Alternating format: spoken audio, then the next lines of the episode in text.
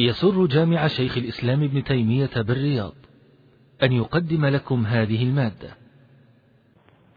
هذا سائل يقول السلام عليكم. نحن في أمريكا يلزمنا القانون الأمريكي دفن الموتى في توابيت وفي جزء معزول من المقابر العامة لديهم. أي مع السفرة بماذا تنصحوننا؟ وجزاكم الله خير. وعليكم السلام ورحمة الله وبركاته. مسألة الدفن مثل ما سبق أن الأصل لا يجوز دفن الميت مع المسلم مع المشرك هذا هو القاعدة. وسبق لنا في سؤال سابق لا يجوز دفن الميت لا يجوز دفن المسلم مع المشرك وقد ثبت وقد جاء في الخبر أنه عليه الصلاة والسلام مر في المدينة مر بقبور قال لقد سبق هؤلاء خيرا كثيرا. ومر بقبور المسلمين فقال لقد أدرك هؤلاء خيرا كثيرا. دل على أنها كانت معزولة وأن قبور المشركين معزولة عن قبور المسلمين فلا ينبغي أن بل لا يجوز أن يقبر المسلم بين المشركين. وقال أهل العلم لو أن امرأة توفيت وهي نصرانية كافرة أو يهودية وهي حامل بمسلم فإنها لا تدفن في مقابر المسلمين لأنها كافرة. ولا تدفن في مقابر المشركين لأن في بطنها مسلم إذا كانت حاملا بمسلم. ولكن تدفن في أرض منفردة. ليست من قبور المسلمين ولا في قبور المشركين. ويجعل آه، آه، تجعل في مكان منفرد منعزل هذا هو الأصل وهذا هي القاعدة. إذا كان هنا إذا ما أمكن ولم توجد أرض ولم يوجد مكان واضطروا إلى ذلك فالضرورات لا أحكام لكن ينبغي والواجب على من وجد بين بلاد الكفار واجب عليه أن يحصل ما يكون سببا في دفع الشر وتحصيل وتحصيل الخير. أما أن مثلا يوجد بين بلاد بين الكفر وقد يكون وجوده فيه نظر وقد يكون وجوده لأمر مباح ثم بعد ذلك يقع في أمور محرمة هو السبب في حصولها. هو السبب في حصولها فهذا فيه نوع تفريق. لكن إذا كان إذا كان وجوده لحاجة أو لضرورة وقلنا إنه معذور في وجوده إذا كان معذورا في وجوده بينهم وإلا فالأصل أن المسلم لا يجوز أن يبقى بين المشركين إلا لأجل المصالح الشرعية ولأجل الضرورات. فإذا سلم وتبين لنا وتبر وتبين لنا أن جواز بقائه ثم مات فلا يكون ثم إنسان فالواجب دفنه مع المسلمين أو في أرض منفردة. ما ما ما أمكن ذلك ما أمكن شراء أرض ما أمكن تحصيل أرض بالمطالبة. وصح ذلك فهذه ضرورة ولها أحكامها وإذا كان أنهم يجبرون في الدفن في التابوت فالأصل أنه لا لا يدفن المسلم في التابوت ولا يدفن في الصندوق. في الحمل الصندوق يجوز في أحوال ضرورة مثل يكون في يحمل الإنسان مثلا في صندوق من مكان إلى مكان يخشى أن تظهر رائحته ثم بعد ذلك يخرج من الصندوق فيقبر. فلا بأس أما يدفن في التابوت والصندوق هذا لا يجوز إلا إذا أجبر بذلك كما سوى الضرورات لا أحكامها وقال النبي عليه الصلاة والسلام إذا أمرتكم بأمر فأتوا منه ما استطعتم. نعم. أحسن الله إليكم وهذا أخ له عدة أسئلة. سؤاله الأول أجاب عليه الشيخ أمس والسؤال الثاني يقول تبعد مدينة مكة المكرمة عنا حوالي 80 كيلو متر فهل الأفضل أن نذهب بالميت إلى مكة المكرمة للصلاة عليه في الحرم والدفن هناك أم نقوم بالصلاة عليه ودفنه في مكانه؟ وجزاكم الله خيرا. الأولى المبادرة إلى دفن الميت هذا الأولى. وإذا كانت مثلا المسافة بهذا وأنه السيارة مثلا لا يستغرق إلا وقت يسير السيارة إلا إلا وقت يسير. ثم بعد ذلك يدفن في مكة. مكة. فقصد بذلك الدفن في أرض مباركة فلا بأس. والقصد والدفن في الأرض المقدسة أو الأرض المباركة أمر حسن. وقد ذكر البخاري رحمه الله قال باب من أحب الدفن في الأرض المقدسة أو لحم من هذا. وذكر قصة موسى عليه الصلاة والسلام حينما سأل ربه أن يدنيه الله من الأرض المقدسة رمية بحجر.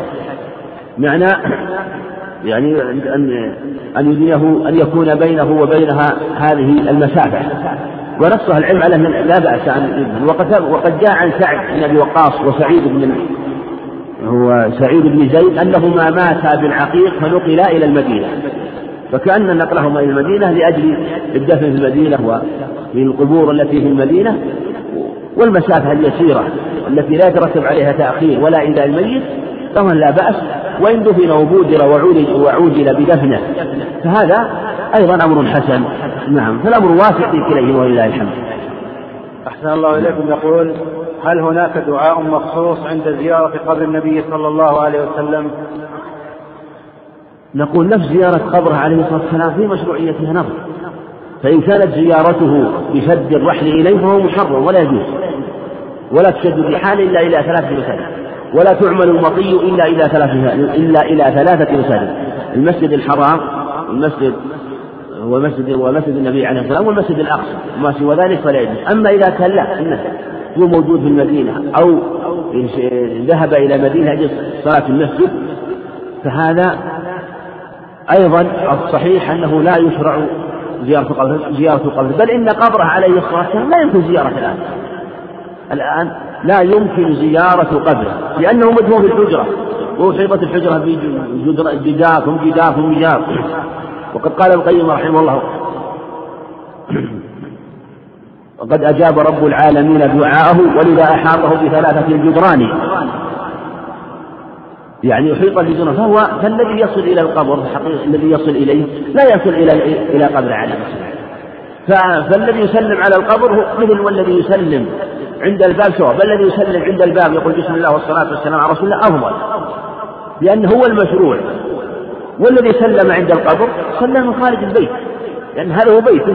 فلو أن إنسان جاء إلى بيت إنسان وخارج الباب قال السلام عليكم وإنسان داخله ما سلمت عليه. سلمت عليه سلم عليه ويجمعكم. أنه داخل بيته كيف تسلم عليه؟ فالرسول عليه السلام داخل بيته دفن في الحجرة ثم الحجرة خلفها جدار ثم جدار. فالسلام على السلام الخاص على القبر هو السلام على القبر. ولهذا عموم المسلمين يشرع زيارة قبورهم يشرع للمسلم أن يزور أن يزور القبور وأن يسلم على من يعرفه وإذا سلم على غيره سلم عليه لأنك تأتي عند القبر وقريب وقريب منه وتسلم عليه وجاء في الخبر أنه يسمع وأنه يرد السلام. أما هو عليه الصلاة والسلام فلا ولم يأتي إلا الحديث الذي عند أبي داود أنه عليه الصلاة والسلام ما من رجل يسلم إلا رد الله عليه روح حتى رد عليه السلام. هذا هو الخبر الذي ورد في السلام عليه عليه الصلاة والسلام. وهو الذي اعتمد عليه أبو داود مع أن في ثبوت نظر طريق عبد الله بن نافع. والخبرين جوده؟ جوده بعض العلم. فهو في السلام عليه لما كان يمكن السلام عليه لما كان يمكن السلام عليه عليه السلام عند قبره. أما لما أدخل القبر في لما أدخل قبره بالمسجد بل ما أدخل البيت لم يدخل أدخل جميع البيت لما أدخله الوليد بن عبد الملك وأمر عمر بن عيد لما كان واليا له على المدينة أن يدخله بعد سنة ثمانين. وهذا أمر أنكره عليه أهل العلم في زمانه لما توفي وقد كان توفي عامة الصحابة رضي الله عنهم. فلهذا نقول إن إن السنة أن تسلم عليه عند دخولك إلى المسجد. ولم يأتي السلام عليه إلا عن عن عن ابن عمر رضي الله عنه. كان إذا قدم بسفر سلم. وإلا فعموم الصحابة لم يكن يؤثر عنهم أنهم كانوا يفعلون ذلك وأنهم كانوا يسلمون عليه. وبالجملة هذه المسألة ليست من مسائل التبديع أيضا. فمن جاء عند قبره عليه الصلاة والسلام عند عند بيته الذي دفن فيه عند دفن لأنك لا تصل إلى قبره إنما تصل إلى البيت الذي دفن فيه. والبيت جميع جميع بيت في المسجد وجميع حجره أدخلت في المسجد وبقيت حجرة عائشة رضي الله عنها وحفظت في هذه الجدران فمن جاء إليه وسلم عليه لا ينكر عليه لثبوت عن ابن عمر وإقرار وإقرار الصحابة الذين مع الذي عنده في زمانه له فإذا سلم سلم عليه. ويتوجه وإذا توجه إلى بأس وإذا أردت الدعاء تتوجه إلى القبلة. نعم. أحسن الله إليكم ويقول هل يشمل نهي النساء عن زيارة القبور قبر النبي صلى الله عليه وسلم؟ نعم بل هو أولى بل هو أولى. إذا كان نهي عن زيارة قبور عموم المسلمين للنساء فنهيهن عن زيارة قبره عليه السلام الذي أولى. لأنه ربما حصل في قبره من يعني حصل عند قبر ما يحمد عقباه وهذا أمر مشاهد يحصل. ما يحصل عند قبره عليه الصلاة والسلام من الكلمات من أمور منكرة فلكن مثل ما سبق مثل ما سبق قبره عليه الصلاة والسلام داخل بيته والمرأة لا يشرع لها ما يشرع للرجال في المجيء عند قبره عليه الصلاة والسلام. نعم. أحسن الله إليكم. هذا سؤال آخر عبر الشبكة أيضا يقول ما حكم السفر من أجل العزاء؟ السفر من الزمان سفر لأمر لقربة. والسفر للقرب مشروع. كإنسان يسافر مثلا لزيارة صديقه يسافر لطلب العلم يسافر لأجل زيارة مريض هذا أمر مشروع. لا بأس بذلك. فإنما النهي عن السفر للبقع أن تسافر إلى بقعة تعظمها لا تشد الرحال إلا يهزن فالمعنى إلى بقعة تعظم وتعبد أو يعظم تعظم؟ فلا يسافر إلى القبور ولا إلى المساجد من هذه الثلاثة.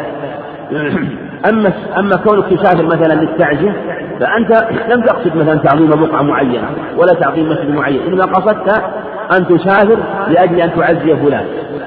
سواء كان في هذا البلد أو في هذا البلد وفي هذا البيت أو في هذا البيت. مثل لو أراد أن يسافر إنسان لزيارة إنسان أو لزيارة مريض فقصد تحصيل هذه المصلحة.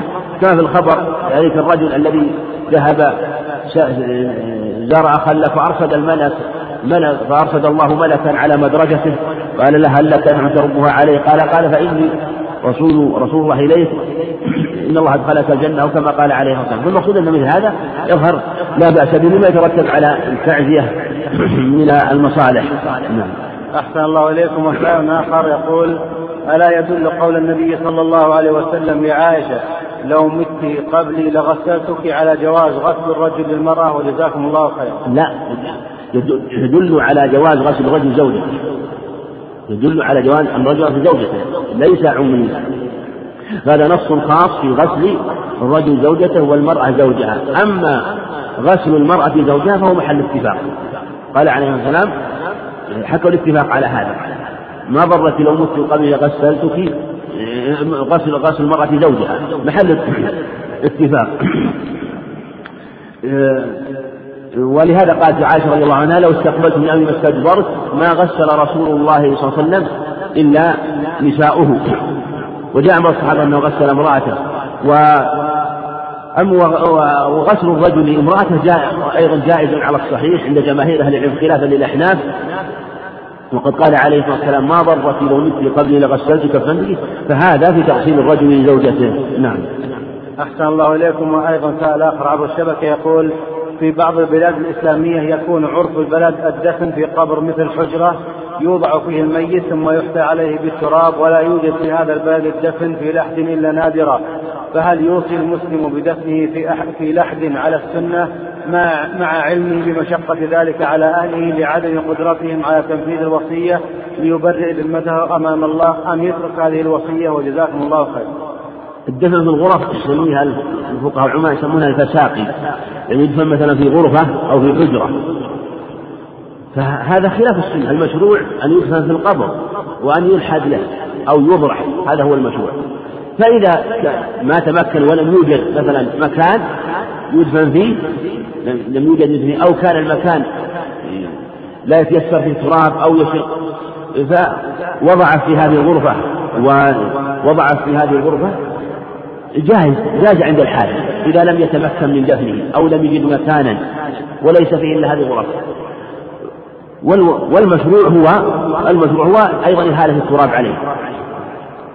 والمشروع هو إهالة التراب عليه. أما إذا وصى بشيء غير مشروع إذا وصى بشيء غير مشروع في مسألة الدفن أو الكفن أو غير ذلك فلا تنفذ الوصايا الغير مشروعة بل يسلك به ما جاءت به السنة. والله أعلم وصلى الله وسلم وبارك على نبينا محمد. الحمد لله رب العالمين والصلاة والسلام على نبينا محمد وعلى آله وأصحابه وأتباعه بإحسان إلى يوم الدين. أما بعد فيقول الإمام الحافظ ابن حجر رحمه الله تعالى كتاب الزكاة. الزكاة كما هو معلوم أنها ركن من أركان الإسلام وهي الركن الثاني بعد الشهادتين وقد أجمع المسلمون على وجوبها وتواترت الأدلة بذلك من الكتاب والسنة. ومن جحدها فهو كافر إجماعا. وهكذا كل ما ثبت في الشرع وظهر فإن من أنكره فإنه يكفر بذلك. إلا أن يكون عرض له شبهة فإنها تبين له شبهته. ثم إذا زالت فلا عذر له. والزكاة أحكامها كثيرة وذكر المصنف رحمه الله جملة من أخبارها. التي هي كالأصول كأصول الأدلة لمسائلها والزكاة اختلف العلماء في فرضيتها هل هو في مكة أو في المدينة؟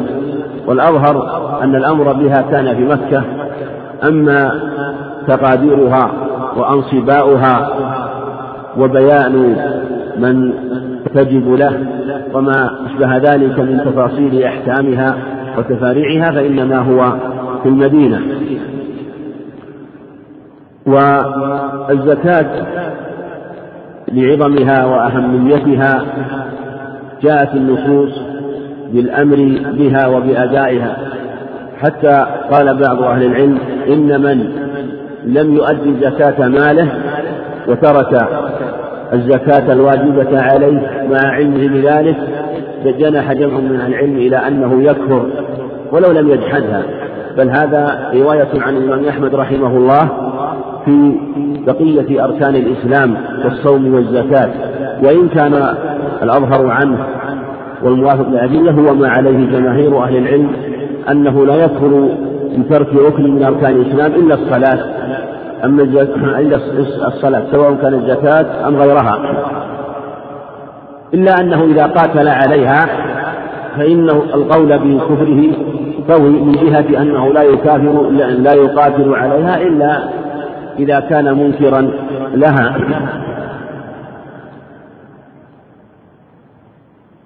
فالزكاة كما هو معلوم من أظهر أو من أوضح أدلتها ما ثبت في الصحيحين من حديث ابن عمر أنه عليه الصلاة والسلام قال بني الإسلام على خمس هدف أن لا إله إلا الله وأن محمدا رسول الله وإقام الصلاة وإيتاء الزكاة وصوم رمضان وحج البيت من استطاع إليه سبيلا والأدلة في هذا كثيرة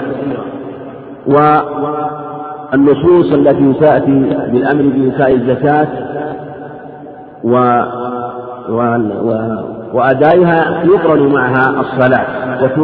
والصلاة دائما يقرن معها الزكاة. وأقيموا الصلاة وآتوا الزكاة. وكذلك النبي عليه الصلاة والسلام دائما يدعو إليها إليها مع الزكاة. قال قال عليه الصلاة والسلام أمرت أن أقاتل الناس حتى يشهدوا أن لا إله إلا الله وأن محمدا رسول الله ويقيموا الصلاة ويؤتي الزكاة. فهي من أعظم الأركان. بعد الصلاة ولهذا قرنت معها. والنصوص التي تأتي بالزكاة إذا كان في بيان أركان الإسلام فإنه تذكر أركان الإسلام الخمس من قول بني الإسلام على خمس. وإذا كان في الدعوة إلى الإسلام فإنه في الغالب لا يذكر إلا الصلاة والزكاة. إذا كان في بيان أركان الإسلام تذكر أركان الإسلام الخمسة وإذا كان في الدعوة إلى الإسلام فإنه في الأغلب يذكر الصلاة والزكاة. وهذا هو المعروف من هديه عليه الصلاة والسلام.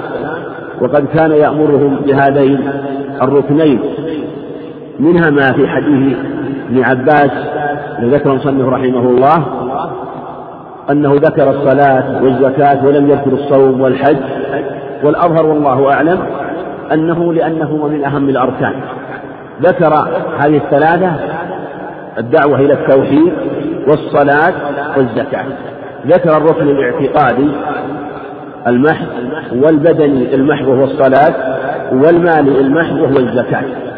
ولا شك أن من كان كافرا ثم دلت نفسه وثم أذعن بكلمة التوحيد التي هي من أثقل الكلمات على المشركين. إذا أذعن لها واستجاب لها ثم بعد ذلك استجاب إلى الصلاة وهي عبادة بدنية تتكرر في اليوم خمس مرات ثم استجاب للعبادة البدن المالية وهي الزكاة فما سواها متفرع عنها وهو أيسر فإذا استجاب إلى هذه الأركان الثلاثة وآمن بها فإنه يؤمن ويأتي ويصوم ويستجيب للصوم لأنه عبادة بدنية لا تتكرر إلا في السنة مرة واحدة والحج في العمر مرة وهو مركب من بدن ومال فهو مركب من جنس الصلاة ومن جنس الزكاة. فمن استجاب لهذه الأركان الثلاثة وخاصة لكلمة التوحيد وأذعن لها فإنه يستجيب لسائر الإسلام. ولهذا كان إذا أرسل الرسل كانوا يدعون إلى هذه الأركان ثم بعد ذلك يلينون ويستجيبون لغيرها من أركان الإسلام. قال رحمه الله عن ابن عباس رضي الله عنهما أن النبي صلى الله عليه وسلم بعث معاذا إلى اليمن فذكر الحديث وفيه إن الله قد افترض عليهم صدقة في أموال تؤخذ من أغنيائهم فترد في فقرائهم متفق عليه واللفظ للبخاري. هذا الخبر في آخر حياته عليه الصلاة والسلام. وذكر وهو ذكر المصنف رحمه الله الجملة المتعلقة بباب الزكاة. وإن الله افترض عليهم صدقة تؤخذ من أغنيائهم فترد على فقرائهم. فيه فرضية الزكاة كما هو معلوم. وفيه دليل من فوائده أن الزكاة تكون على الأغنياء. والغني في باب الزكاة هو من ملك النصاب. من ملك النصاب من الذهب أو الفضة أو الحبوب والثمار أو عروض التجارة أو الماشية فإن هذا هو ألو... فإنه هو الواجب عليه يجب عليه الزكاة فهو غني في باب دفعه ثم قد يكون فقيرا في باب أخذه فلا ملازمة قد قد يدفع الإنسان الزكاة ويأخذها. فهو غني في باب دفعها فقير في باب أخذها. فلو أن إنسان عنده مثلا دراهم يسير حال عليها الحول عنده ألفان أو ثلاثة وحال عليها الحول وهو عند حوالي الحول فقير فقير فأخرج زكاة هذه هذا المال لا يكفيه لنفقته ولأهله مثلا فإنه يعطى من الزكاة ويخرج الزكاة فلا منافاة. فهذا فهو غني في باب دفعها من جهة أنه واجب عليه. فقير من جهة أنه إذا كان محتاجا للزكاة يأخذها. وترد فتؤخذ من أغنيائهم فترد على فقرائهم وفيه من الفوائد أن الزكاة أن الفقراء من مصارف الزكاة. وهم من أعظم المصالح الفقراء الفقراء والمساكين. وهم جمهور من يأخذ الزكاة في أبواب في أنواع أو أصناف الزكاة الثمانية. وفيه أنه لا بأس أن تصرف جميع الزكاة للفقراء ولا يلزم الإنسان أن يوزع زكاته على جميع الأصناف الثمانية أو من كان موجودا منهم. لأنه عليه الصلاة والسلام قال فترد في فقرائهم. من لم يقل إنها توزع وتقسم على الأصناف الثمانية أو من كان موجودا منهم. ويدل له أيضا أنه عليه الصلاة والسلام قال أقم يا قبيص حتى تأتي الصدقة فنأمر لك بها. ويدل عليه أن الصح أنه أن النبي عليه الصلاة والسلام كانت تأتيه الزكاة في المدينة ويوزعها على فقراء أصحابه. وقال معاذ ائتوني بعرض خميس أو لبيس أهون عليكم وخير لأصحاب محمد صلى الله عليه وسلم. فدل على أنها تصرف هذا دليل على جواز نقلها وجواز أيضا صرفها من جهة أنه أنها صرفت لهم لأنهم فقراء وأنهم محتاجون. أما قوله تعالى إنما الصدقات للفقراء والمساكين. الآية فإن هذا المراد بيان المصرف لا بيان أنها تصرف توزع عليهم بيان مصارف بيان مصارف يعني أن هذه هي مصارفها لا أن هذا هو الواجب في قسمتها وهذا هو قول جماهير أهل العلم. وعن انس رضي الله عنه ان ابا بكر ان ابا بكر الصديق رضي الله عنه كتب له هذه فريضة الصدقة التي فرضها رسول الله صلى الله عليه وسلم على المسلمين. وهذا الخبر في البخاري ذكره المصنف رحمه الله مطولا. وفيه في البخاري بسم الله الرحمن الرحيم. ابتدأوا بسم الله الرحمن الرحيم. هي أنه عليه الصلاة والسلام كان يبدأ كتبه بسم الله الرحمن الرحيم. وهذا هو هو سنته أنه كان يبدأ الكتب بسم الله غالبا. أما الخطب والكلمات التي يخطب بها يخطب بها في يخطب بها في مجامع الناس فإنه يبدأ بالحمد لله يحمد الله. ولهذا نجد المصنفين كالبخاري وغيره كالبخاري وغيره أنه يبدا أنه بدأ بسم الله الرحمن الرحيم. وإذا جمع المصنف وإذا جمع وإذا جمع في الكتاب أو في المصنف بين البسمله والحمدلة فهذا أكمل وأتم. خاصة في كتب أهل العلم لأنها ليست كالرسائل لأن كتب أهل العلم هي في الحقيقة رسائل تتضمن تتضمن أحكاما فهي أعظم وأولى من الخطب. التي التي فرضها رسول الله صلى الله عليه وسلم على المسلمين هذا يبين أنها فريضة وأنها واجبة؟ والتي أمر بها رسوله عليه الصلاة والسلام فاجتمع فيها الأمران. قال في كل أربع وعشرين من الإبل فما دونها الغنم في كل خمس شاة. يعني أنه يجب في هذا هو ابتدأ بنصاب الإبل وذكرها لأنها من أعظم أموال العرب أعظمها أثمانا وأعظمها أجساما فلهذا بدأ بها في باب الزكاة. وليس فيما دون خمس دود صدقة كما سيأتي فأربع من الإبل ليس فيها ما دون ليس فيها شيء إنما في خمس فأكثر. ففي الخمس شاة كما سيأتي وفي العشر شاتان وفي الثلاث وفي خمسة عشر ثلاث شياه وفي عشرين أربع شياه. في كل خمس شاة. هذا هو الواجب. ثم لو أراد أن يخرج واحدة من الإبل هل يجزئ أو لا يجزئ؟ فيه خلاف. المذهب وقول كثيرين أنه لا يجزئ. قالوا لأنه هذا هو النص. وتجب شاة والقول الثاني أنه عدل عن عن الإبل فيما هو أقل من خمس وعشرين رفقا بالمالك لأنه في الغالب إخراج واحدة من الإبل إذا كان عددها قليلا قد لا يحتمل. فإذا طابت نفسه بشيء منها فإنه يقبل منه ويدل عليه أنه جعل نصابها منها فيما زاد على أربع وعشرين. وهذا القول أظهر من جهة ما ذكر من المعنى ومن جهة أن الغالب في زكاتها أن يكون من جنسها وهكذا أيضا في زكاة الغنم وفي زكاة البقر كما سيأتي. فإذا بلغت خمسا وعشرين إلى خمسة إلى خمس فإذا بلغت خمسا وعشرين إلى خمس وثلاثين ففيها بنت مخاض أنثى فإن لم تكن فابن لبون ذكر. هذا هو النصاب الأول وهو إذا بلغت خمسا وعشرين. إلى خمس وثلاثين فالواجب فيها بنت مخاض. بمعنى أن أمها وهي ما تم لها سنة ودخلت في السنة الثانية أن أمها ماخذ والماخذ هو هي الحامل.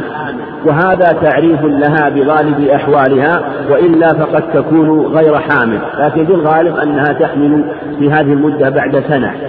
وإن لم يجد ما وإن لم يجد ابن لبون أنثى فإنه يخرج ابن مخاض أنثى فإنه يخرج ذكرا لكنه يكون أرفع يكون أرفع منها سنا وهو ابن لبون. وهذا يدل على أنه يخرج الذكر في هذا لكن إن لم يجد أنثى فإنه يخرج ذكرا وهو وأن يكون ابن لبون وهو الذي تم سنتين ودخل في السنة الثالثة لأن أمه قد حملت ثم بعد ثم ثم بعدما وضعت كان لها لبن حليب كان لها لبن فتم لها سنتان. فإذا بلغت ستا وثلاثين فإذا بلغت ستا وثلاثين إلى خمس وأربعين ففيها بنت لبون. هذا هو النصاب الثاني. وهو إلى خمس وأربعين من ست وثلاثين إلى خمس وأربعين أنها بنت لبون وهذا كما سبق تعريف لها بغالب أحوالها وهو ما سمى لها سنتان ودخلت في السنة الثالثة. وهذه أنصبة كلها متفق عليها بين العلم لورود النصوص الصريحة في هذا. فإذا بلغت ستا وأربعين إلى ستين ففيها حقة طروقة الجمل. إذا بلغت إذا كملت أتمت 45 وكانت 46 إلى 60 هنا الوقت قد زاد. الوقت قد زاد. الوقت وهو ما بين الفريضتين في التي قبلها في التي قبلها أحد أحد عشر. وهذا الوقت زاد. زاد من من إلى ستين إلى ستين. فهو أكثر منها لأنه لما ارتفع لما زادت و زاد الواجب فيها خفف الشارع في الزكاة والحقة هي التي استحقت أن يحمل عليها وهي ما تم لها ثلاث سنين ودخلت في الرابعة فإذا بلغت واحدة وستين إلى خمس وسبعين فهي ففيها جدعة والجدعة هي التي تم لها أربع سنين وأجزعت وشقق سنها فهذا هو الواجب وهذا هو أعلى سن في الإبل الواجب فيها الواجب في الإبل. فإذا بلغت ستا وسبعين إلى تسعين ففيها بنت لبون. وهنا تتكرر الفريضة تتكرر الفريضة. إلى تسعين من ست وسبعين إلى تسعين فيها بنت لبون. وهذا أيضا كله محل اتفاق من أهل العلم. إلى فإذا بلغت إحدى وتسعين إلى عشرين ومائة ففيها حقتان طروقتا الجمل. من إحدى وتسعين إلى مائة وعشرين فيها حقتان طروقتا الجمل يعني استحقت أن يطرقها الجمل. وهذا أيضا فيه تتكرر السن الواجب كما في بنتي لبون. فإذا زادت على عشرين ومئة ففي كل أربعين بنت لبون وفي كل خمسين شقة.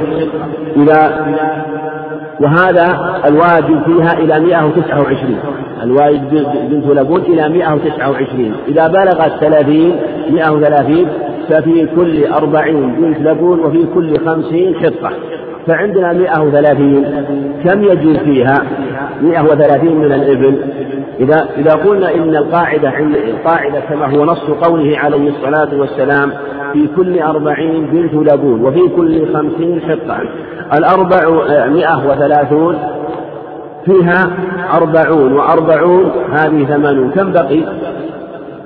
بقي خمسون. إذا شكوا فيها؟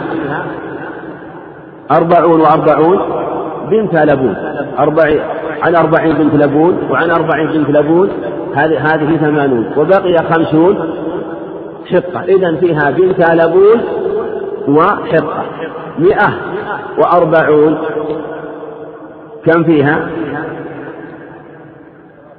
فيها حقتان وبنت لبون.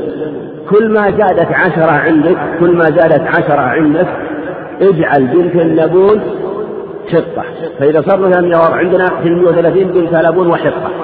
في المئة وثلاثين بنت لبون مئة مئة وأربعون حقتان وبنت لبون مئة وخمسون ثلاث حقاق مئة وستون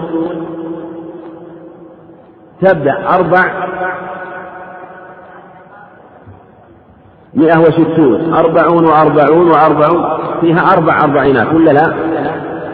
أربع بنات لبون أربع بنات لبون. ثم الآن إذا انتهت الحقاق ارجع إلى بنات اللبون. لأن لما كملت عندنا الحقاق نرجع إلى بنات اللبون. ف 160 فيها أربع بنات لبون. طيب 170 فيها كم؟ اجعل واحدة حقة. حقة وثلاث بنات لبون.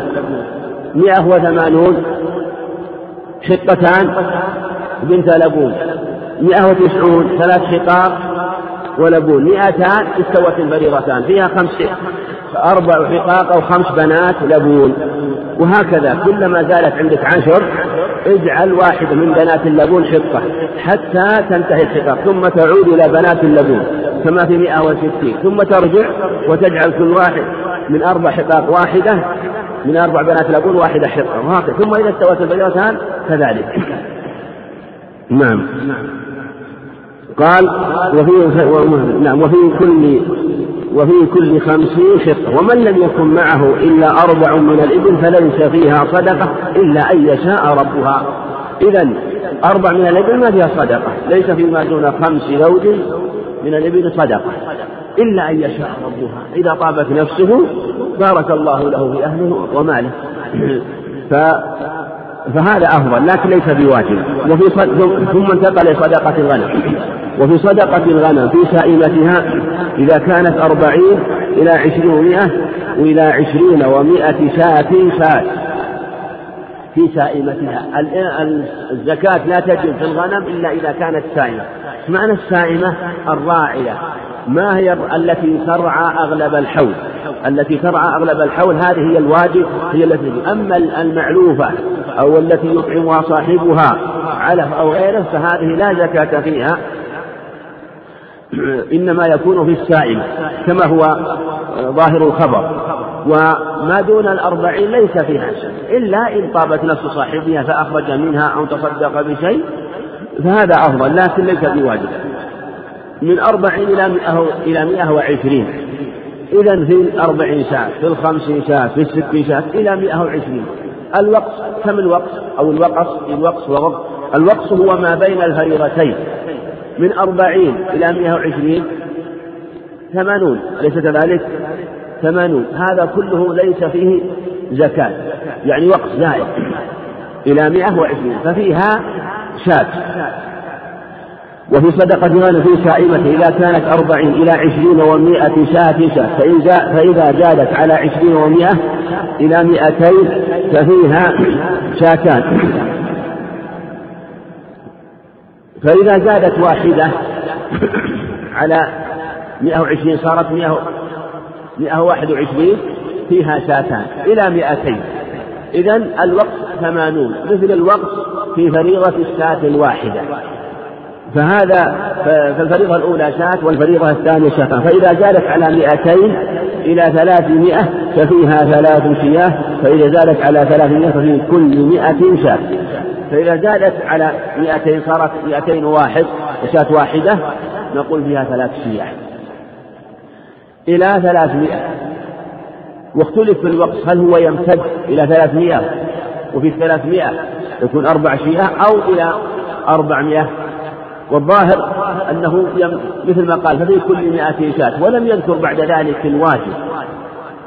فيمتد الوقت في ثلاث الشياه من مئتين واحد إلى أربعمائة.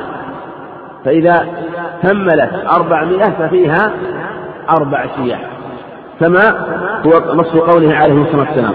فإذا زادت على ثلاثمائة ففي كل مئة شاة. إذا النصاب الأول شاة من أربعين إلى مئة وعشرين ومن مئة وواحد وعشرين إلى مئتين فيها شاتان ومن مئتين وواحد إلى أربعمائة. ثلاثمائة وتسعة وتسعين فيها كم؟ ثلاث شياه. إذا كملت أربعمائة فيها أربع شياه. خمسمائة ألف شاة عشر وهكذا. فإذا إلا أن يشاء فإذا كانت سائمة فإن زادت على ثلاثمائة ففي كل مائة شاة. فإذا كانت سائمة الرجل ناقصة من أربعين من أربعين شاة من أربعين شاة شاة واحدة فليس فيها صدقة. إلا أن يشاء ربه كما تقدم. فالواجب في الأربعين. ولا يجمع بين متفرق ولا يفرق بين مجتمع خشية الصدقة وما كان من خليطين فإنهما يتراجعان بينهما بالسوية ولا يجمع بين متفرق. إذا الواجب أن الزكاة تخرج في الموجود ولا يجوز الحيلة في إسقاطها. والجمع بين المتفرق خطاب لصاحب المال وخطاب لمن للمصدق الذي يأخذ المال. فلا يجمع بين متفرق خشية الصدقة يعني خشية للمتصدق صاحب المال المالك خشية أن تكثر الصدقة. والمصدق خشية يجمع خشية أن يجمع أو يفرق خشية أن تقل الصدقة. فالواجب على المالك أن يخرج الواجب. مثلا فلا يجمع بينهم إذا كان عندنا ثلاثة إذا كانوا ثلاثة كل واحد عنده أربعون. كم الواجب على كل واحد؟ شاة. لما سمعوا بعامل زكاة المصدق جمعوا العشرين أربعين وأربعين جمعوا المال جعلوا ماذا؟ نعم مال واحد. صار كم يجب فيه؟ قال ما عندنا إحنا شركاء خلطاء ما عندنا إلا 120 شاة. قال أعطونا شاة. نعم. الوقت الوقت هو ما بين الفريضتين. الوقت ما بين الفريضتين. ما بين يعني مثلا عندك مثلا من أربعين إلى مئة وعشرين الأربعين فيها شاة الخمسين شاة الستين شاة. كل ما بين الأربعين إلى المئة يسمى وقص أو وقف يعني لا يغير النصاب أنه ما يغير النصاب وهكذا في أنصباء الإبل. فالمقصود أنه لا يجمع بين متفرق لا يجمع بين متفرق. فيجمع ولا خشية الصدقة. كذلك ولا يفرق بين مجتمع عكس هذه فلو كان مثلا عندنا مثلا يعني لو مثلا اثنان لو كانوا خليطين كان خليطين وعندهما كل واحد للثلاثين شاة كم في الواجب؟ ثلاثين ثلاثين. كم الواجب فيها؟ ستين ولا لا؟ ستين. لما سمعوا للمصدق ماذا عملوا؟ فرقوها كل واحد راح من واحد قال كل واحد ما عنده إلا ثلاثين. فرقوا صار ما عليهم زكاة إذا هذا لا يجوز. كذلك المصدق اللي يأخذ الزكاة ما يجوز له أن يجمع بين المتفرق. إذا مثلا جاء إلى ناس إلى أهل الغنم مثلا أو أهل أهل الغنم مثلا أو غيرهم فوجد هذا عنده أربعين وهذا عنده أربعين وهذا عنده أربعين. إذا وجدهم إذا مثلا وهذا عنده عشرين وهذا عنده عشرين. جمعهم وقال الواجب عليكم كذا ما يجب عليهم شيء. لا يجب عليهم شيء.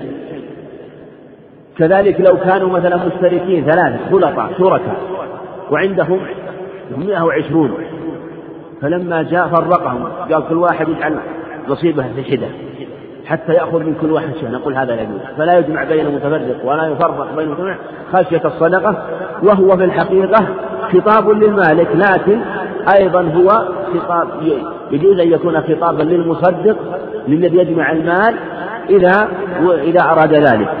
وما كان من خليطين فإنهما يتراجعان بينهما بالسوية. لو يتراجعان بينهما إذا كان عندنا شريكين رحمك الله. إذا كان عندنا شريكين مثلا كل واحد عنده عشرين هذا له عشرين معينة موصوفة وهذا له عشرين معينة موصوفة. كل واحد معروفة. يعني خلطة, أوصاف ليست خلطة أعيان. الواجب عليهم سعي جاء المصدق أخذ واحدة من نصيب ماذا؟ أحد الشريكين. أحد الشريكين. نقول الشريك الثاني يرجع على شريكه بماذا؟ بنصف قيمة شاة. كم أخذ شاة؟ ومن نصيب قلنا كم قيمة الشاة؟ قيمتها 500 500 ريال. قلنا تعطيه 250 ريال لأنه الواجب عليه لأنه الواجب عليك الزكاة. وما كان من خليطين فإنهما يتراجعان بينهما بالسوية بينهم بالسوية. ولا يخرج الصدقة, الصدقة هرمة ولا ذات عوار ولا تيس إلا أن يشاء المصدق. لا يجوز قول إلا يشاء المصدق.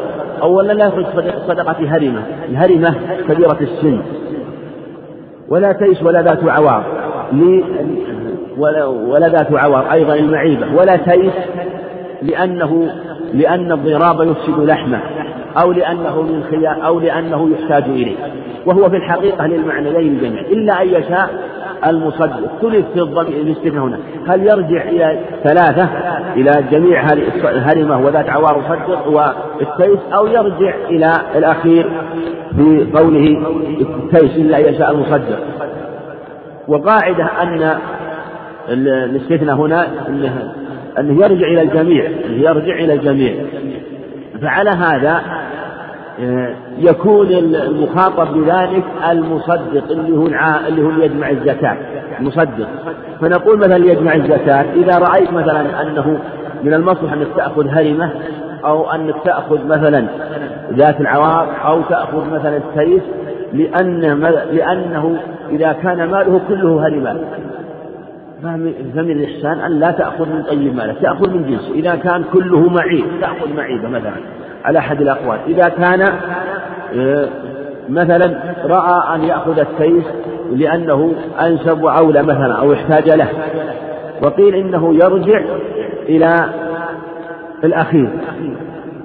و والأظهر هو أن يرجع إلى الجميع وأن يكون مخاطب بذلك المصدق لا المتصدق. المتصدق. إلا أن يشاء المصدق. وفي الرقة مئة في مئتي درهم ربع العشر هنا انتقل الآن إلى نصاب الفضة. الرقة هي الفضة المضروبة. هي الفضة المضروبة. في مئة درهم ربع العشر. فإن لم تكن إلا تسعين أو مئة فليس فيها صدقة إلا أن يشاء ربها. نصاب الفضة مئة درهم. هذا هو نصاب وهو محل اتفاق محل اتفاق من أهل العلم.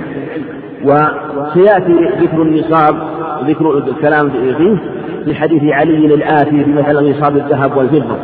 ومن بلغت عنده من الإبل صدقة الجذعة وليست عنده جذعة وعنده شقة فإنها تقبل ويجعل مع ويجعل معها شاتين إن استيسرتا إن استيسرتا له. إذا وجبت عليه جذعة ولم يجد ولم يجدها فإنه لا بأس أن يخرج شقة ويجعل معها شاتين يجعل معها شاتين أو عشرين درهما إن استيسرتا. و أو يخرج مثلا في إذا مثل إذا الآن الدراهم مثلا لما كانت في السابق قيمتها في الغالب تكون عشرة دراهم مقابل واحدة من غنم في الغالب وهي ولما تغيرت قيمها فإنه يخرج قيمتها يخرج قيمتها إن لم يجد. فإن لم يجد مثلا جذع أخرج حقة وأخرج قيمة شاتين. ومن بلغت عنده صدقة الشقة وليست عنده وعنده الجذعة وهي التي أعلى منها فإنها تقبل منه. ويعطيه المصدق عشرين درهما أو شاتين كما سبق لأنه أخرج سنا أعلى من الواجب عليه فيخرج الجدعة ويعطيه المصدق شاتين أو قيمتها قال من فضلك اقلب الشريف.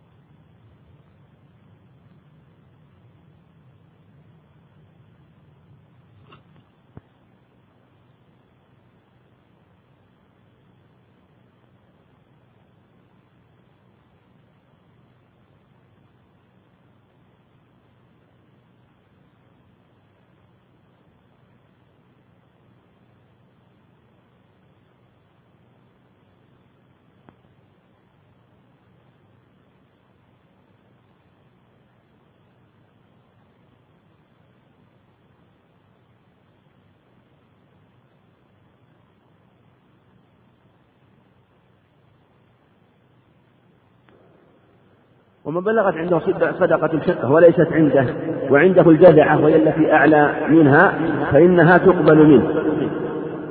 ويعطيه مصدق عشرين درهما أو شاتين كما سبق لأنه أخرج سنا أعلى من الواجب عليه فيخرج الجدعة ويعطيه المصدق شاتين أو قيمتها قال وعن معاذ رضي الله عنه وعن معاذ بن جبل رضي الله عنه أن النبي صلى الله عليه وسلم بعثه إلى اليمن فأمره أن يأخذ من كل ثلاثين بقرة تبيعا أو تبيعا.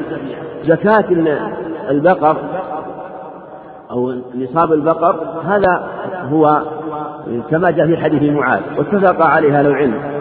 ولم يأتي فيه يعني الأخبار اللي جاءت فيه مختلفة لكنها متعارضة وفيها ضعف. حديث معاذ هنا رواه أبو داود من طريق أبي وائل عنه ومن طريق مسروق عنه وأخرجه مالك من طريق طاووس عنه. وله شاهد من حديث ابن مسعود عند الترمذي ومن حديث وله شاهد آخر من حديث علي عند أبي داود وهو بشواهده صحيح الحديث. ثم ثبت في الصحيحين من صاحب إبل ولا بقر إلا لا يؤدي زكاته إلا إذا كان يوم القيامة لها يعني صاحب بقاع قرقر فتطأه بأغلافها وتنقحه بقرونها في يوم كان مقداره خمسين ألف سنة حتى يقضى بين الناس فيرى سبيله إما إلى الجنة وإما إلى النار فجاء ذكرها في الصحيحين وجاء تقدير أنصار صبائها في السنن من هذه الأحاديث وهي متفق وهو متفق على المعنى الذي جاء في حديث معاذ وما جاء في معناه قال فأمره يأخذ من كل ثلاثين بقرة تبيعا أو تبيعا. هذا أول سن تجب فيه الزكاة. تجد لو تجد الأنصباء في في هذه البهيمة الأنعام الإبل أول نصابها خمس. لعظمها وضخامتها أن النصاب كان في خمس. البقر لما كانت أقل منها ثمنا وأقل منها أجساما كان نصابها أكثر. كان نصابها ثلاثين. الإبل الغنم كان أقل أكثر منها ما هي متدرجة كان نصابها أربعين. والواجب في الثلاثين تبيع وهو أو, أو تبيع أو تبيع يعني الواجب ذكر أو أنثى منها. وهذا يدل على أنه يجوز إخراج الذكر في الصدقة ويخرج في البقر إذا كانت ثلاثين ويخرج في الإبل إذا كانت خمسا وعشرين ولم يجد بنت مخاض يخرج ابنة لبون كما سبق. يخرج ابن لبون ذكر. ومن كل أربعين مسنة ومن كل حال دينار أو عدله معاذرية. في الأربعين الأربعين فيها مسنة. إذا كان عندها أربعين مسنة إذا كان عنده إذا كان عنده سبعون إذا كان عنده سبعون فالواجب ماذا؟ تبيع ومسنة. في ثمانون مسنتان. ثلاثون ثلاث أتبعة. مئة. اجعل اجعل واحد منها مثل ما قلنا في القاعدة في البقاء اجعل واحدة مسنة وتبعان. مسنة كم قلنا؟ مئة ولا لا؟ مئة. في مئة وعشرة مسنان وتبيع. مئة وعشرون ثلاثة أتبعة أو أربع ثلاث مسنات أو أربع أتبعة. ثم هكذا تعود تعود في كل زادت عشر تجعل كل تبيع مسن وهكذا. رواه الخمسة واللفظ لأحمد وحسنه الترمذي وأشار إلى اختلاف في وصف وصحه ابن حبان والحاكم. وعن عمرو بن شعيب عن أبيه عن جده رضي الله عنهما رضي الله رضي الله عنهم والصحابي هو عبد الله بن عمرو الجد رضي الله عنه. قالت قال قال رسول الله صلى الله عليه وسلم تؤخذ صدقات المسلمين على مياههم رواه أحمد ولأبي داود لا تؤخذ صدقاتهم إلا في دورهم. هذا الحديث رواه أحمد رحمه الله وكذلك رواه أبو داود. والحديث له شاهد أيضا من حديث عمران بن حسين رضي الله عنه. وحديث ورواية عبد الله بن عمرو رواية جيدة عمرو بن شعيب عن أبيه عن جده رواية حسنة وفي هذا الخبر دليل على أن الواجب على الذي المصدق الذي يأخذ الصدقات من أنه لا يجمع الناس ويكلف على الناس. لا. واجب عليه والمشروع حقه أن يذهب إلى الناس في مياههم ومحلاتهم وفي أماكنهم ويجمع الصدقات منه فلا يكلفون عناء القدوم عليه بل يذهب إليهم ويجمع الصدقات ولأنه لأن جمعها إليه. ثم إذا ذهب مثلا إلى مكان والناس في إلى مكان فلا يبقى في مكان ويأمر الناس أن يأتيهم بل يذهب إلى كل قوم في أماكنهم. يذهب إلى كل قوم في أماكنهم ويجمع الصدقات منهم. وعن أبي هريرة رضي الله عنه قال قال رسول الله صلى الله عليه وسلم ليس على المسلم في عبده ولا فرسه صدقة. رواه البخاري. ولمسلم ليس في العبد صدقة إلا صدقة الفطر. قول رواه البخاري قد يوهم أنه أن هذا اللفظ خاص بالبخاري وهو في الحقيقة لفظه رواه البخاري ومسلم. لو قال مثلا مثلا رواه البخاري اتفق عليه وزاد مسلم لكانت العبارة أوضح. وفي الجملة أن قول ليس على المسلم في عبده ولا فرسه صدقة. هذا في في عبده الذي يكون للخدمة. أما إذا كان عنده مماليك للتجارة فإن فيهم زكاة التجارة وهي محل اتفاق كما سيأتي. ولا في فرسه. أيضا الفرس إذا كان يستعمله للركوب والحمل ولحاجاته. أما إذا كان الفرس للتجارة فالواجب فيه زكاة التجارة. كالقاعدة في الأموال الأخرى إذا كانت تجار فالواجب فيها زكاة التجارة. وعن بهج بن حكيم عن أبيه عن جده رضي الله عنهم قال قال رسول الله صلى الله عليه وسلم في كل شائمة إبل في كل أربعين رحمك الله. في كل أربعين بنت لبون لا تفرق إبل عن حسابها من أعطاها مؤتجرا بها فله أجرها ومن منعها فإن آخذوها وشر ماله عزمة من عزمات ربنا. لا يحل لآل محمد منها شيء. رواه أحمد وأبو داود والنسائي وصححه الحاكم وعلق الشافعي القول به على ثبوته. وهذا الخبر معناه سبق في كل سائمة إبل وهو أن الواجب السائمة لا تجد في غير السائمة. فلو كان يعلفها أو يطعمها فإنه لا يجب فيها شيء ولو كانت بالمئات. فالواجب السائمة وهكذا لو لم تكن سائمة وكان يطعمها لكنه يتجر فيها يبيع فيها ويشتري فالواجب فيها زكاة التجارة. في أربعين بنت لبون. يعني مثل ما سبق أنه آه، فيها إلى ستين. الواجب فيها إلى ستين. وليس المراد أنه ما زاد عليها لكن أن الأربعين يجب فيها مثل ما سبق بنت لبون إلى ستين. فإذا زادت ففيها حقة. إذا صارت واحد وسبعين إلى خمس وسبعين ففيها حقة. وهكذا ما بين الخمس وسبعين إلى التسعين الجدعة مثل ما سبق. وهكذا من واحد وتسعين إلى مئة وعشرين. فقول بنت لبون في, في كل أربع بنت لبون المراد يبين أن, أن هذا لا مفهوم, لا مفهوم له من جهة أن الخبر اللي سبق يبين أنه أن هذا إلى ستين. كله وقص وليس فيه إلا بنت لبون لا تفرق إبل عن حسابها. لا كما سبق لا يفرق بين مجتمع ولا يجمع بين متفرق خشية الصدق. من أعطاها مؤتجرا من أعطاها ناويا بذلك قضاء الواجب عليه فله أجرها. ومن أعطاها خوفا ولم ينوي بذلك فهو على نية إنما أعمال بالنيات.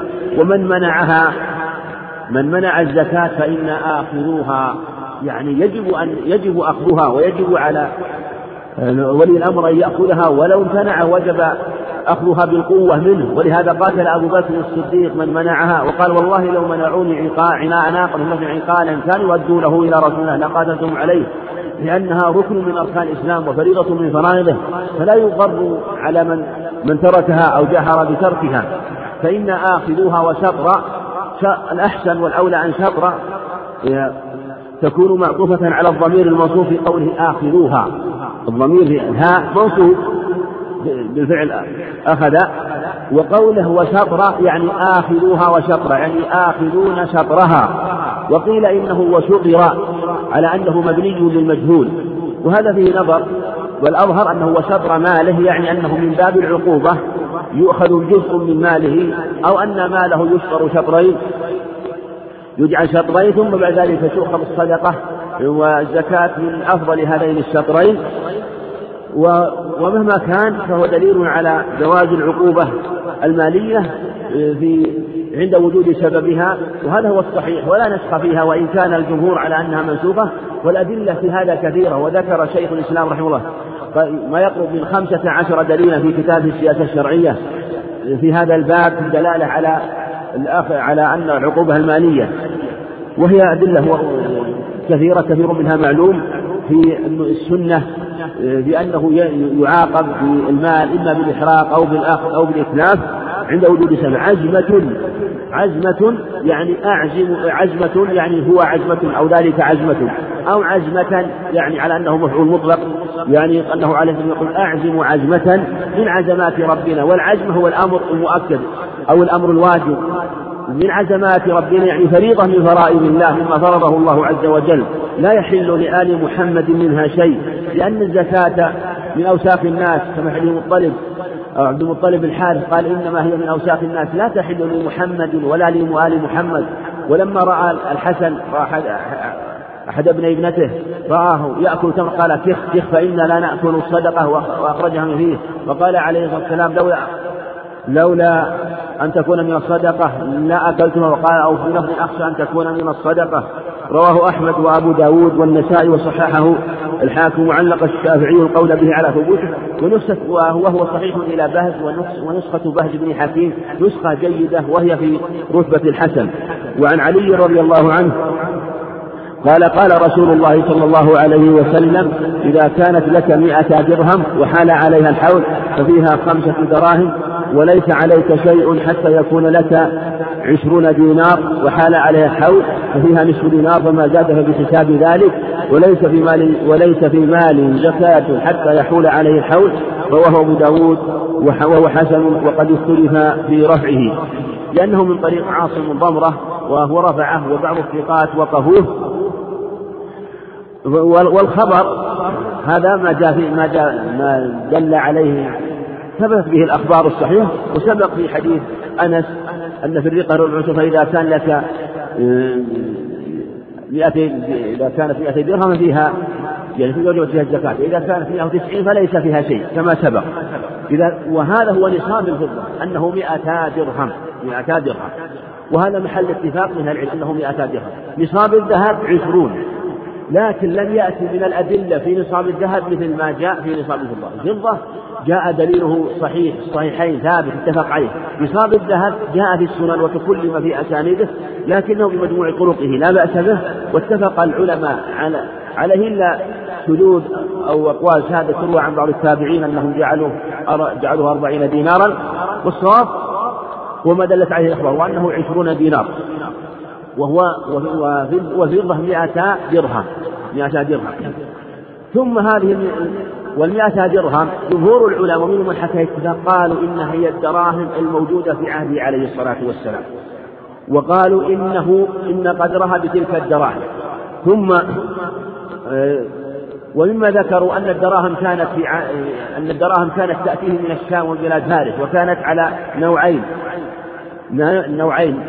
درهم صغير ودرهم كبير والدرهم الصغير وزنه وزنه أربع دوانق والصغير والكبير وزنه ثمانية دوانق ثم بعد ذلك ضربت بضرب الإسلام واختلف قيل إن الذي ضربه هو عمر وقيل رضي الله عنه وقيل إنه وقيل إنه في عهد عبد الملك مروان.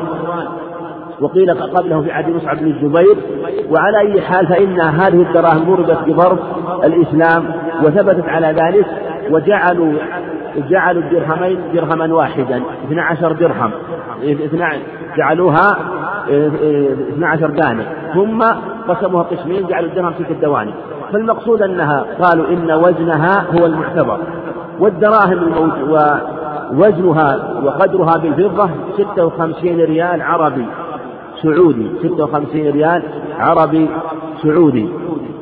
فإذا بلغت هذا القدر وهي تقارب نحو يعني أكثر من نصف الكيلو بالوزن حول أنه 600 غرام 600 غرام يكون نصاب الفضة يكون نصاب الفضة. وقيمتها بالدراهم قيمتها بالدراهم في أي بلد؟ هذه 600 غرام. والجنيهات عشرون مثقال. والمثقال هو الدينار. والدينار قدره أربع غرامات وربع وقيل أكثر وقيل أقل ثلث فيه. لكن مشهور أنها أربع غرامات وربع فعلى هذا وهو عشرون مثقال. فإذا أخذت عشرين في أربع وربع يكون خمسة يكون خمسة وثمانين خمسة وثمانين إيه، غرام. خمسة وثمانين غرام. فيكون النصاب بالذهب خمسة وثمانين غرام. وبقدر في الجنيهات السعودية 11 جنيه وثلاثة أشباع. والنصاب بالفضة أيضا هذه الغرامات هو 100 درهم. ثم بعد ذلك لما أن تغيرت العملة انتقلت إلى هذه الدراهم كل بلد بحسب كل بلد بحسب. ثم النصاب بماذا يقوم؟ هل يقوم مثلا بالفضة أو بالذهب؟ الأظهر أنه يقوم بالأحظ للفقراء ولا شك أن الأحظ للفقراء يقوم بالفضة لأن النصاب بالفضة إذا كان عند إنسان دراهم مثلا مثلا عنده ألف ريال وقومناها بالذهب نصاب الذهب 11 جنيه وثلاثة أشباع قد آه، اللي هو 85 غرام قد لا تبلغ النصاب لكن لو قومناها مثلا ب 200 درهم له مقدار 600 غرام أو يقارب فإنها تبلغ. قد تبلغ. فالمقصود أنها تقوم بنصاب الفضة لأنه أحظ للفقراء. هذا على جمع قول جماهير العلم. وقالوا إن النصاب المعتبر كما أخبر عليه الصلاة والسلام مئة درهم وعشرون مثقال دينار وهو المثقال. وذهب بعض أهل العلم وهو ظاهر اختيار شيخ الإسلام رحمه الله يقول إن النصاب في كل بلد بالدراهم التي يتعاملون به. ونقلوه عن بعض علماء المالكيه فعلى هذا يقول إن الدراهم التي تعامل بها كل بلد هي نصابها وهذا قاله في الدراهم الموجودة. فإذا قال كل بلد عنده مئة كل واحد عنده مئة درهم فيخرج. عنده مثلا جنيهات يخرج عشرين جنيه. فيه مثلا دراهم بالفضة مئتي درهم فضي وهل يجعل الدراهم الورقية هذه مكانها؟ هل يقوم يقول شيخ الإسلام مثلا يقول إن الدراهم مثلا هذه يكون مثلا نصاب نصاب بالدراهم مثلا يكون 200 ريال. هو ظاهر كلامه من جهة أن التعامل إذا كان بعملة يكون بقدرها. والجمهور على أنه بالوزن وزن 200 درهم فضي وقيمتها. وزن عشرين دينار جنيه ذهب وزن عشرين دينار وقيمتها بالذهب ثم ماذا تبلغ؟ فإذا بلغ النصاب وجبت عليه الزكاة. وما زاد في ذلك. يعني أن الذهب والفضة وعروض التجارة لا أوقاف فيها. ما فيها وقف لو مثلا عند مثلا مثلا يعني تسعمائة وخمسين تسعمائة وستين ألف وزيادة ألف. فالأوقافها فيها الزكاة. يحسب الوقت. والزكاة فيها ربع العشر. ربع العشر. واحد من أربعين. والزكاة هذا هو الواجب فيها وليس في مال زكاة حتى يحول عليه الحول. رواه أبو داود وهو حسنه. وللترمذي عن ابن عمر رضي الله عنهما من استفاد مالا فلا زكاة حتى فلا زكاة عليه حتى يحول عليه الحول والراجح وقفه. جاءت عدة أخبار في نصاب في في أن في الحول. في الحول لكن أكثرها ضعيف. أكثر الأخبار جاءت عن النبي عليه الصلاة والسلام في ذكر الحول ضعيف. والمعتمد في هذا الباب هو ما جاء عن الصحابة رضي الله عنهم. وأقوى الأخبار في هذا الباب هو حديث علي الذي سبق في قول ليس في مال الزكاة حتى يحول عليها. هذا أقوى خبر في الباب في تقدير الحول وأنه لا يجب حتى يحول الحول وعلى هذا يمكن يشهد لحديث ابن عمر وتقوى وتكون مرفوع ويكون مرفوعا. ثم الأخبار التي نقل عن بعض الصحابة تؤيده وتقويه وهو أنه لا بد من الحول على المال. هذا الحول في المال الذي يستفيده. أما نماء التجارة ونماء الإبل والبقر والغنم هذه ليس لها حول حولها تابع لحول أصلها. ونماء التجارة حولها تابع لأصلها. هذا متفق عليه. إنما الحول للمال الذي يستفيد. الإنسان مثلا عنده مثلا ألف ريال ثم بعد ذلك جاءه ألف ريال هبة أو راتب أو عطية. الألف ريال الثاني ما يكون حول حول ألف ريال. لو كان عندنا ألف ريال في شهر محرم ثم جاء ألف ريال مثلا في شهر صفر. نقول الألف ريال هذه في شهر صفر تضاف تضم إليها في النصاب لكن حولها ليس حول الألف ريال الأول فيزكي هذا الألف الثاني في صفر السنة آتية وبعده في محرم. وهكذا.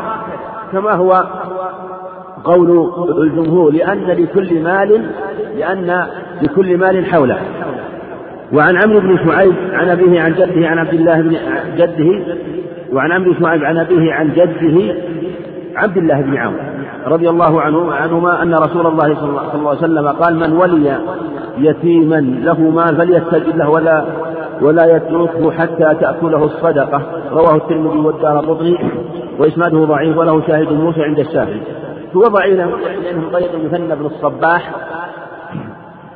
لأنه من طريق المثنى ابن الصباح ولكن معتمد على ما صح عن عمر رضي الله عنه. وفي دلالة على أن أموال اليتامى يشرع الاتجار فيها والبيع والشراء. هذا هو المشروط. وأن يحسن فيها. ثم دلالة على أن تجب الزكاة في أموال الصغار وهذا هو الصواب وهو قول الجمهور. وليست العمدة على هذا القانون. العمدة على الأدلة العامة في وجوب الزكاة. الأدلة العامة في وجوب الزكاة تشمل جميع المكلفين.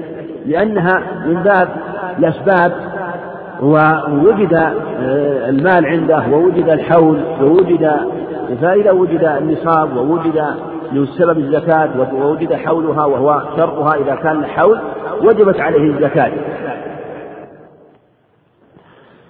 وعن عبد الله وعن عبد الله بن أبي أوفى رضي الله عنه قال كان رسول الله صلى الله عليه وسلم إذا اتاه قوم بصدقتهم قال اللهم صل عليهم متفق عليه. وعن عبد وهل في دلالة أنه عليه الصلاة والسلام أنه كان يدعو لهم قال اللهم صل عليه.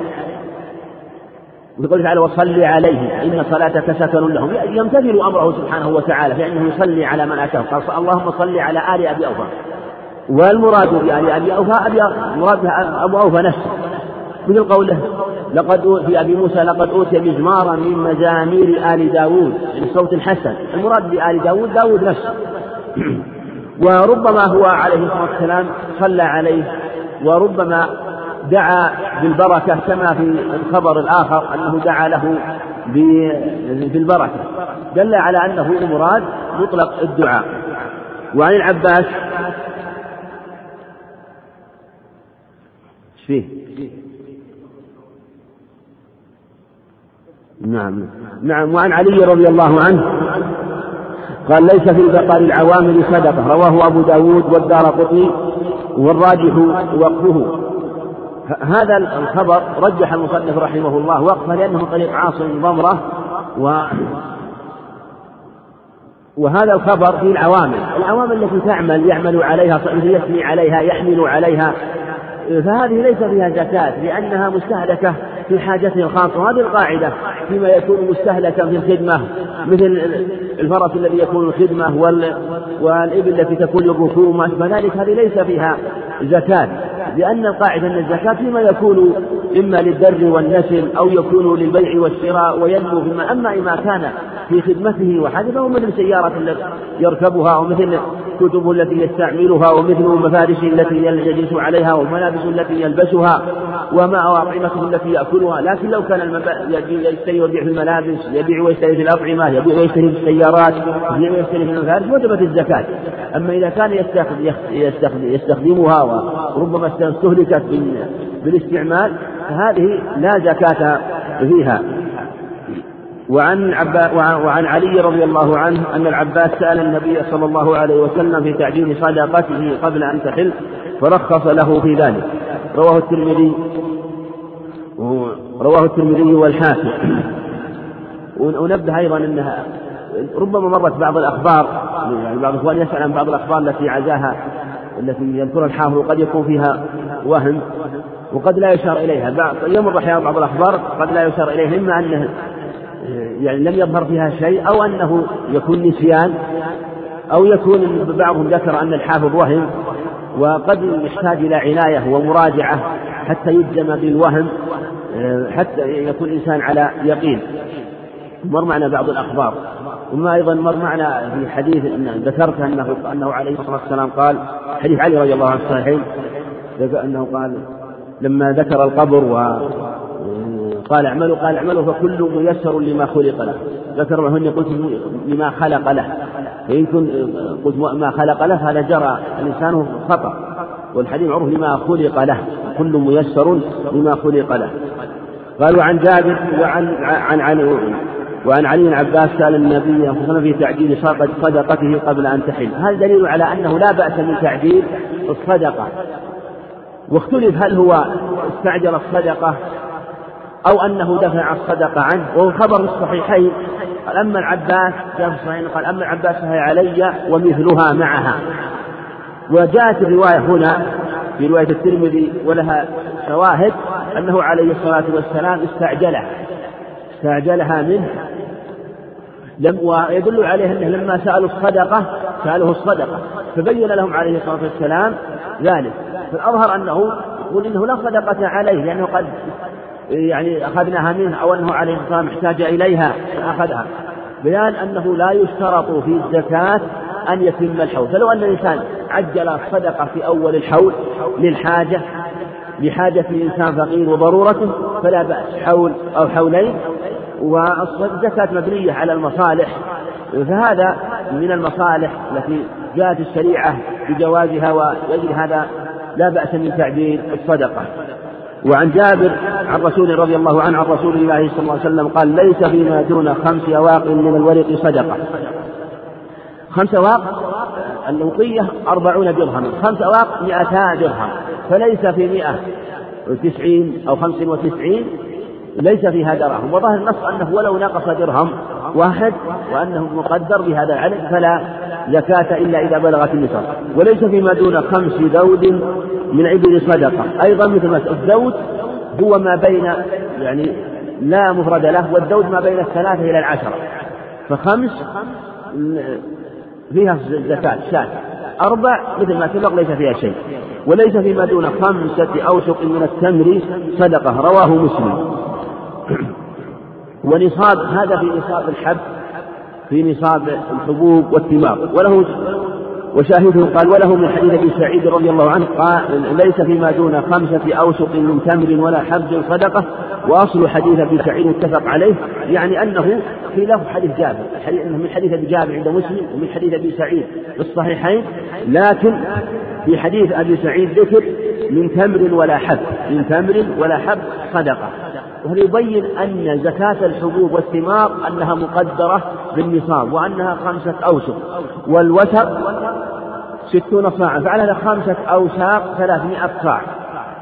والأصل في وجوب الزكاة أنه في الحبوب والثمار أنه يكون بالكيل ثم العلماء نقلوه إلى الوزن لأجل أن يضبط لأن الكيل المراد لأن الكيل مراد بالكيل في عهد النبي عليه السلام والمكاييل بعد ذلك تغيرت زادت ونقصت. والصاع الموجود عند كثير من الناس هو أكبر من الصاع النبوي. بعضها بنحو العشر وبعضها بنحو الخمس. فلهذا ضبط الصاع وقدر وهو نحو خمسة وخمسة أرطال وثلث وهي تزيد بالكيلو عن ستمائة. وقدر ب يعني بالكيل زاد عن 600 من نحو 650 وهي ليس فيها تقدير مضبوط إنما هو العمدة على الكيل. العمدة على الكيل والكيل آه، بالصاع. والصاع أربع حفنات فإذا كان مثلا عندك تمر وزكاة التمر كما سيأتي تكون إذا كان يابس. مو برطب إذا صار عندك تمر مثلا نقول التمر عندك كم يجي؟ يجي كم؟ يجي 300 صاع. قال كيف نعرف؟ قال نقول الصاع أربعة لو مثلا ما عندك صاع مثلا. نقول أن تقدر مكيال بأي مكيال. مثلا بأي مكيال مثلا. يقدره بأي إناء من قدر أو نحوه. أو يضع له مثلا مكيال. ويكون أربعة أمداد بمد الرجل المعتدل. فيأخذ مثلا أربع حفنات بحفنة الرجل المعتدل واحدة. اثنتين ثلاث أربع. أربع حفنات هذه فيضعها مثلا في مكان يكون هذا هو الصاع ويجعله هو المقدار يقول إذا كان عندك مقدار ثلاثمائة من هذا القدر فهذا هو الواجب عليه وهذا هو في الحقيقة الأصل والضبط. وهكذا مثلا في زكاة الفطر كما سيأتينا الواجب والأحوط هو إخراج هذا القدر من أربع حفنات فإذا كان الإنسان مثلا عنده أراد يخرج ويعرف يريد يعرف مقدار الواجب عليه يقول واجب صاع على كل على كل على كل كل إنسان مسلم والصاع مقداره خذ أربع حفنات إذا بمقدار يدي الرجل معتدل أربع حفنات في قدر أو نحوه أو إناء. إذا جعلت يكون هذا هو مقدار كم أنتم؟ عشرة أخرج عشرة. خمسة خمسة وهكذا. وبالكيلو مقدر بنحو ثلاث كيلو بالأحوط وإلا هو بالإصفاع بالكيلو يقال يقارب كيلوين ويزيد قليل نحو أربعين غرام. وبالجملة إذا احتار وجعل مثلا أكثر 500 غرام أو ثلاث أو جعل ثلاث كيلو كان أحوط. قالوا من تمر ولا حب صدقة. ثم اختلف العلماء في التمر في في الواجب. فيه فالتمر واجب ما في إشكال. وفي وكذلك العنب. والحب يشمل جميع الحبوب. فإذا الأظهر والله أعلم أن الزكاة تجب في جميع أنواع الحبوب. سواء كانت مقتاتة أم لا. كل حب يجب فيه. دخن ذرة جميع جميع كل حب تجب فيه الزكاة. أما الثمار أما الثمار فإنها آه، تجب فيها إذا كانت مدخرة ومكيلة. إذا كانت آه، تكال ولهذا ذكر الوسق فيها دل على لا بد من التوسيع. وسيأتي أن الخضروات ليس فيها شيء. قال وعن سالم بن عبد الله عن أبيه رضي الله عنه رضي الله عنهما أبوه عبد الله بن عمر رضي الله عنه عن النبي صلى الله عليه وسلم فيما سقت السماء والعيون أو كان عثريا العشر وفيما سقي بالنضح نصف العشر رواه البخاري. ولأبي داود إذا كان بعد العشر وفيما سقي بالسواني أو النضح نصف العشر. رواية أبي داود هذه إسنادها صحيح. وفي هذا دليل على أنه يجب العشر أو نصف العشر هذا في ما يسقى. فإذا كان مثلا إذا كان مثلا هذه مزرعة هذه الحبوب مثلا أو هذه بستان يسقى بالمكاين أو بالرشاشات فالواجب نصف العشر. نصف العشر. خمسة في المئة. إذا كان مثلا لا يعتمد على المطر وعلى أو كان عثريا يعني يسقى بعروقه أو الأنهار أو العيون فالواجب العشر. يعني صار واجب أكثر لأن مؤونتها أقل. إذا كان في كلفة فالواجب أكثر. وتجد أنت الأنصبة مختلفة. أقلها نصاب الذهب والفضة لأنه يحتاج إلى عمل ومتابعة و ونصاب التجارة يعني في تنميته ومتابعته كذلك. ثم بعد ذلك تجد نصاب حبوب الثمار العشر ونصف العشر ثم بعد ذلك الركاز وهو أقلها وهو أكثرها نصاب أكثرها قدرا من جهة أنه من أيسرها أخذا. فالواجب فيه نصف العشر إذا كان يسقى وإذا كان لا يسقى فالواجب فيه العشر وعن أبي موسى الأشعري ومعاذ رضي الله عنهما أن النبي صلى الله عليه وسلم قال, قال لهما لا تأخذا في الصدقة إلا من هذه الأصناف الأربعة. الشعير والحنطة والزبيب والتمر رواه الطبراني والحاكم وللدار قطني عن معاذ رضي الله عنه قال فأما القثة والبطيخ والرمان والقصب فقد عفى عنه رسول الله صلى الله عليه وسلم وإسناده ضعيف. هذا إسناده ضعيف وحديث أبي موسى جو جوده جمع من العلم وفيه دلالة لمن قال إنه لا تجد إلا في البر والشعير وفي التمر والزبيب في هذه الأصناف الأربعة. وقال بعض العلم إنه أرسلهم. قال لا تأخذ إلا في هذه الأصناف لأن هي الموجودة في البلاد اليمن في البلاد التي أرسلهم إليها. ومنهم من ضعف الخبر وقال إنه جاء في زيادة وحصل اضطراب في ألفاظه. وقالوا إن الخبر الآخر مفسر له ودال على أنه تجد في غيره مثل سائر أنواع الحبوب لقوله عنه خذ الحب من الحب خذ الحب من الحب. من حب ولا تمر. دل على أنه يجب في جنس الحب وهذا آه، عام إما أنه نص أو ظاهر في المسألة أنه يجب في جميع أنواع الحبوب على هذا لا يكون بينها تعارض وتكون واجبة في هذا بهذا النص وبعموم ذاك النص أو بنصه على ذلك. أما الخضار أما الخضروات فليس فيها شيء. جميع أنواع الخضروات لا فيها شيء. إنما الواجب في الحبوب والثمار. والخضر إلا إذا كانت هذه الخضروات مثل يبيع مثلا في الفواكه التفاحة والبرتقال وأنواع الخضروات والكوسة والخيار وما أشبه ذلك هذه الخضروات التي تؤكل في حينها آه، ولا تجفف هذه الخضروات لا زكاة فيها إلا إذا كانت التجارة إذا كان يبيع فيها ويشتري وجبت فيها زكاة التجارة. وعن سهل بن أبي حزمة رضي الله عنه قال أمرنا رسول الله صلى الله عليه وسلم إذا خرجتم فخذوا ودعوا الثلث فإن لم تدعوا الثلث فدعوا الربع. ورواه الخمسة إلا ابن ماجه وصححه ابن حبان والحاكم. هذا حديث من طريق عبد الرحمن بن مسعود بن مياه وهو مجهول. ومن أثبته واحتج به وهو المشهور في المذهب قالوا إنه يخرص إذا جاء الحارس إلى صاحب التمر فإنه يدع الثلث يدع الثلث ما مثلا لو كان عنده مثلا ألف صاع أو مثلا تسعمائة صاع من التمر خرص النخل وقال الخارس الوادي عندك تسعمائة صاع. يقول عليه الصلاة والسلام خذوا ودعوا الثلث. يعني اخرص خذ زكاة ستمائة وثلاثمائة لا تأخذ زكاة. هذا الثلث. أو الربع. ربع التسعمائة. مثل إذا كان ألف ومائتين صاع مثلا. ربع. يترك يأخذ زكاة. يأخذ زكاة. اللي هو 300 يأخذ زكاة 900 ويخلي يخلي 300 ما يزكيها فيكون المتروك من التمر. وقيل إن أنه دعوا الثلث يعني ثلث الزكاة. يفرقها بنفسه. وبقي والأظهر أنه دعوا الثلث من المال فلا تزكوه لأنه يحتاج يأكل ويحتاج يهدي. فالذي يؤكل في الحقيقة أشبه ما يشبه ما يترك في الزكاة في باب العوامل وما أشبهها وفيما يكون للخدمة والمتاع. مما لا يبيع فيه ولا يشتري فالذي يأكله لا زكاة فيه لأنه يحتاج إلى انتفاعه وهو في الغالب يقدر بنحو الثلث والربع. فالإنسان إذا كان عنده ثمرة في الغالب أن الثلث والربع كثير يكفي لأكله يكفيه لهدائه ولعطيته ومن يحتاج فيترك له.